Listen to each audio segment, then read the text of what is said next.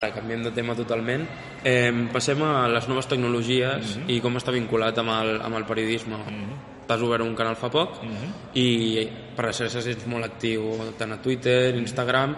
Eh, no sé, com veus tota aquesta nova revolució de periodistes que de cop i volta mm, deixen la gran pantalla mm -hmm. per dedicar-se, per exemple, a YouTube. Mm, tens companys com Rodrigo Faez, mm -hmm hi ha campeones o hi ha altres exemples d'altres canals que mm, opten per aquesta, per aquesta via que suposo que la interactivitat juga un paper més important. Sí, aquí hi ha dues coses, hi ha la interactivitat i hi ha la llibertat també, és a dir, la llibertat de contingut. O sigui, si jo m'obro un canal, avui és dimecres, vull fer alguna cosa, no tinc temps. Uh, dijous vull fer alguna cosa, mira, doncs han donat els premis als africans, doncs potser faig alguna cosa. O no, o sí, vull dir que al final tu tens llibertat per fer el que et dona la gana quan vulguis. Mm. Això per un costat, la llibertat. I d'altre costat, també tens la possibilitat de eh, crear una marca personal. I avui en dia tu veus un programa de tele i al millor hi ha cinc persones al programa i dius ostres, que a mi només m'interessa el que diu un.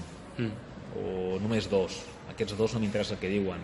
Per tant, avui en dia estem en una societat que ens agrada consumir el que volem i quan volem. No? I l'única manera de fer-ho és que individualment pues, crees un producte, crees una, una marca personal, ja siguis tu, ja sigueu dos, ja sigueu tres, la pengeu i la gent ho pot veure quan li dona la gana. Penso que és una manera de eh, donar un punt de, de llibertat i crec que avui en dia no costa res eh, deixar la tele en costat per anar a veure-ho a la tablet, a l'ordinador a l'Smart TV, vull dir que pots veure directament a la tele si vols, així que penso que és una manera de, de llibertat que molts eh, comunicadors o periodistes estan, estan prenent.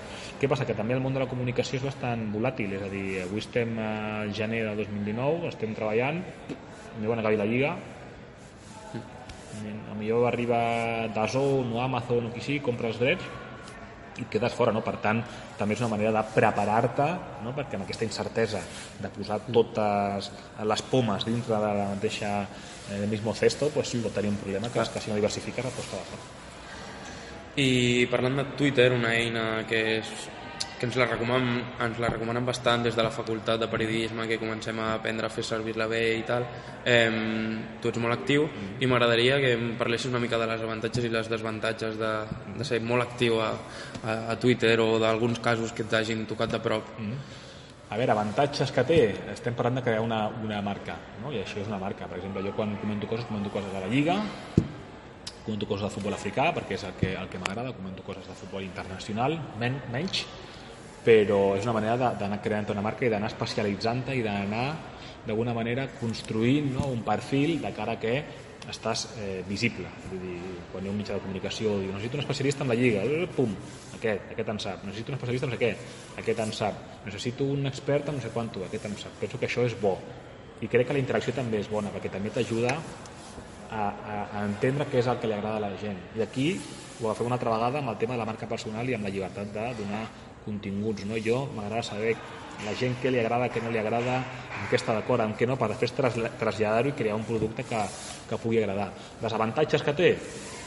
pues, és que al final eh, Twitter penso que és una, és una eina que reflexa una mica la, la societat. Hi ha gent normal, hi ha gent que està d'acord amb el que posa, hi ha gent que no, hi ha gent educada, hi ha gent mal educada, vull dir, això no, no es pot frenar. Sí que és cert que avui en dia tenir la possibilitat de donar la teva opinió en 5 segons amb el mòbil fa que molta gent cregui que ha d'estar constantment opinant de coses. Vull dir, si jo dic que aquest jugador m'agrada, tu pots dir que sí, me gusta o no me gusta, però també pots dir que tu no en tens ni idea perquè jo sí que sé, perquè tal, qual. Llavors una mica és abstraure's una mica, no? Hi ha un punt que tu no pots estar eh, dedicat 100% a veure què diu, què diu la gent, vull dir que al final no, no viuries, no? però penso que jo li trobo del 100% i trobo el 95% ho trobo positiu perquè a més m'ajuda a estar molt informat, m'ajuda a triar què vull eh, saber, a qui vull seguir i d'estar al dia de, del que m'interessa les noves tecnologies també és una irrupció molt potent, però també el futbol femení. Què et sembla eh, la cobertura ara que se li comença a donar el futbol femení? Ja era hora no, de que també tinguessin presència les dones en aquest esport i que no quedessin relegades com en un segon terme. Mm. Sí, és una, és una qüestió de justícia. Jo crec que la comunicació té una, una responsabilitat que és no només oferir a la gent el que vol veure, sinó també un punt d'educació. No? Educació vull dir d'educar a l'espectador, d'educar al, al telespectador a altres coses. Què passa? Que ara, per exemple, a Gol, veus que fan 5 partits de la Lliga Iberdrola cada, cada cap de setmana. Hi ha, dintre dels Director Gol, hi ha un espai eh, eh, dedicat únicament a la, la, a la, al futbol femení espanyol. Quan hi ha més repercussió s'està lluitant perquè hi hagi un salari mínim dintre dels equips s'està lluitant per la fundació d'equips nous, s'està lluitant perquè els camps cada vegada siguin millors, ciutats esportives, etc.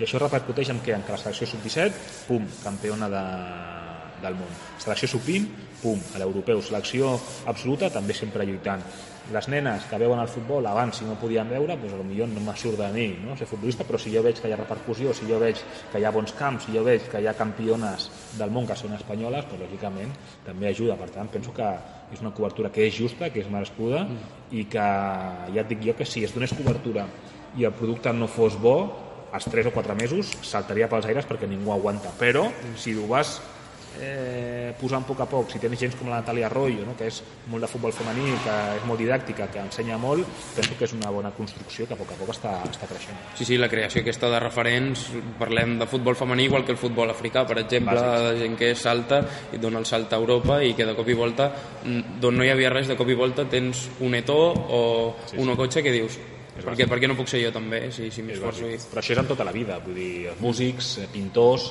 Clar. necessites referència de gent que obre el camí, no? Ja, jo crec molt amb els que són pioners, no? amb aquells que fan una cosa quan ningú eh, ho havia fet abans i tenen aquesta empenta, tenen aquest eh, salt no? a, al vacío, aquest salt al buit de fer-ho i es creen ja directament amb llegendes i referències de molta gent que els veu il·lustres. Si aquest o aquesta ho ha fet, jo per què no? Per tant, crec que en aquest sentit el que fan a gol de Natàlia Arroyo és espectacular. Mm.